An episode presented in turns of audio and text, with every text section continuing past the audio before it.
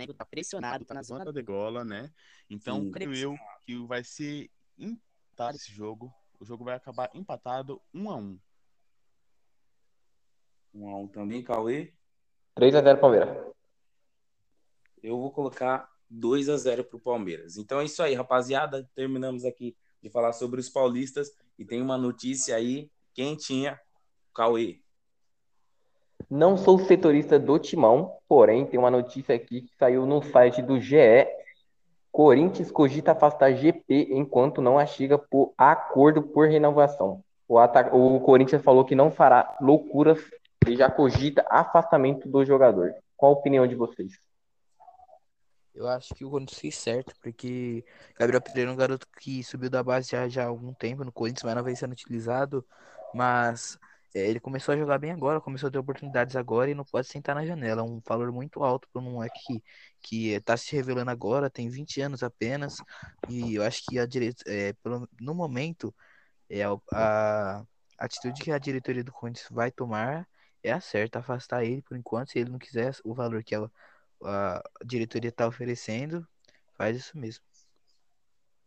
Concordo. Cara, também concordo rapidamente, Rafael. É...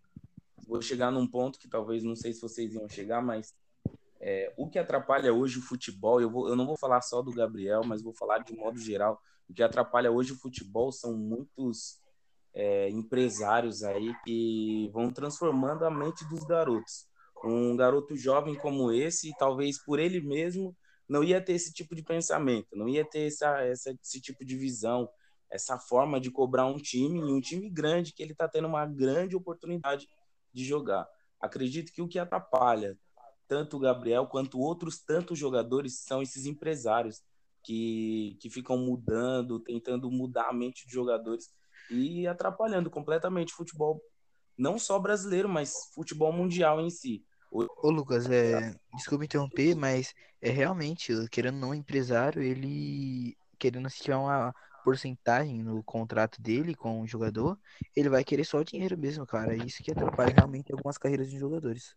Cara, é, eu sei que o. Eu vou falar um caso de um jogador do São Paulo. Eu sei que o Jonathan Caleri não é tão jovem, porém é um se vocês estão um ponto que acontece com ele. Ele é refém de empresários. Os empresários comprou ele de, do Boca Júnior e escolhe o time que ele quer jogar, escolhe o que ele vai fazer. E, cara, eu acho que não deveria ser assim. Eu acho que, no meu ver, meu ponto de vista, o jogador deveria estar onde você quer jogar, o salário que você vai ganhar, sabe? Mas, infelizmente, os empresários em todo canto do país estão assim. É, muitos caras mercenários, eu vou falar assim, porém. É, é assim, tem que fazer um esforço aí, mas eu acho exagero da parte do Gabriel Pereira. Para finalizar, Rafael. Eu concordo com vocês, é, todo o quesito que vocês falaram. Para mim, o Corinthians está certo se fizer isso, beleza? é, muitos empresários eles eles estão mais preocupados que nem vocês comentaram, né? Com a taxa deles ali, o dinheiro caindo na conta deles, a maioria não é nem empresário do cara por amor. Por exemplo, conheço alguns jogadores que os pais são empresários, os irmãos são empresários. Ali eu acho muito bacana, por quê? Porque, por exemplo, você vai cobrar algo do seu irmão, seu irmão ali de sangue? Não, cara, o cara. Carinho. Esses caras assim, que os caras falam assim, é, você é seu empresário a maioria das vezes é só para mexer com a mente do jogador, para quebrar o jogador, para acabar falhando o jogador. Tanto que hoje a gente observa os jogadores antigos, como por exemplo, jogadores antigos que hoje agora deixa, acabaram com o futebol, né, se aposentaram, mas agora estão tendo que entrar em outros meios para começar a ganhar dinheiro em cima disso.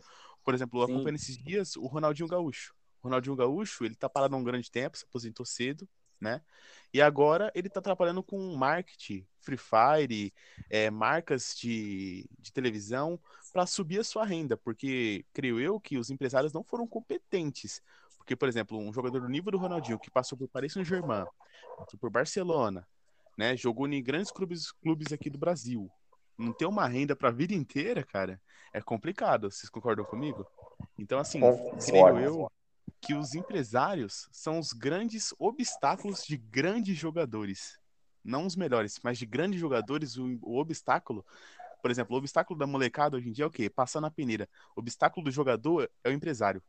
A maioria dos jogadores, não tô dizendo todos, claro, não são todos, mas a maioria tá sendo isso. Então, creio Cara, é. Isso. isso. Concordo, concordo. O cara, deixa eu falar uma coisa que eu acho que a gente passou uma informação errada sobre o jogo do Bragantino.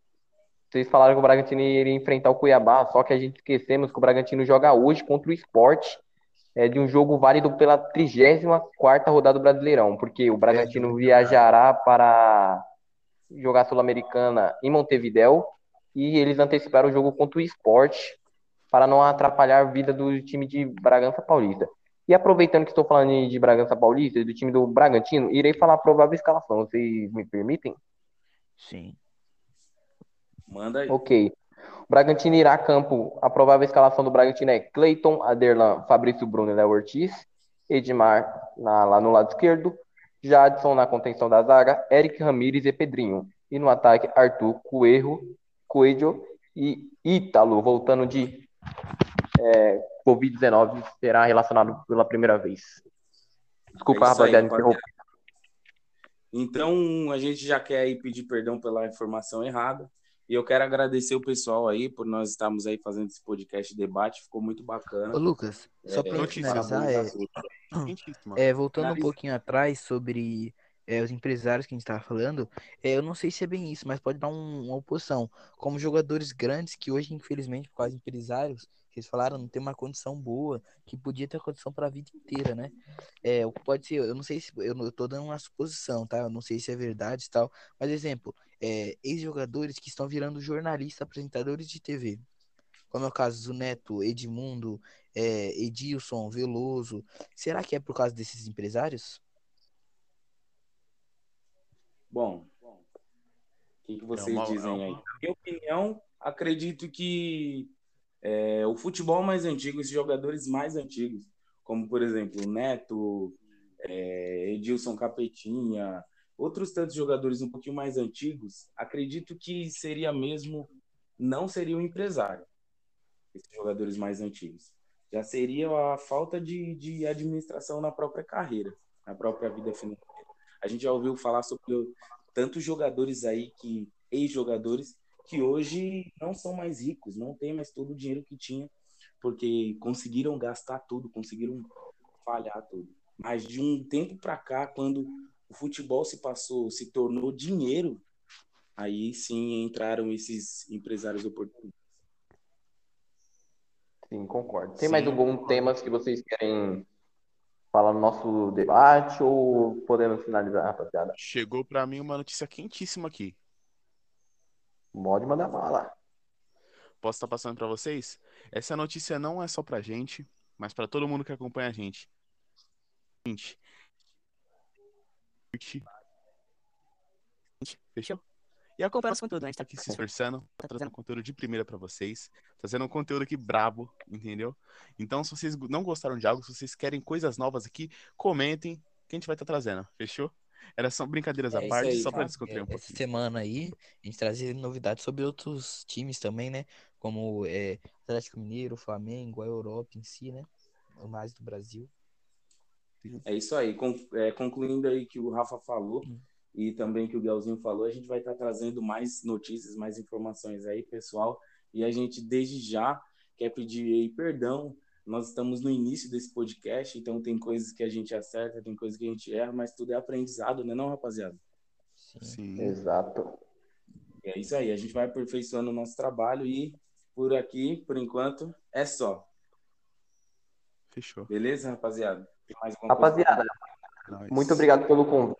É grato demais vocês me chamarem novamente aqui para esse podcast maravilhoso. Eu me sinto à vontade aqui conversando sobre futebol com grandes comentaristas, grandes entendedores, cara. Satisfação enorme, rapaziada. Tamo junto. Valeu aí. Tamo junto, valeu, Rapaziada, aqui também. Satisfação, É, obrigado.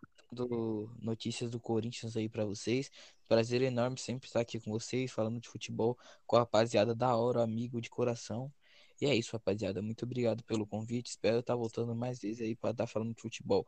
Ter uma conversa sadia com vocês. Obrigado.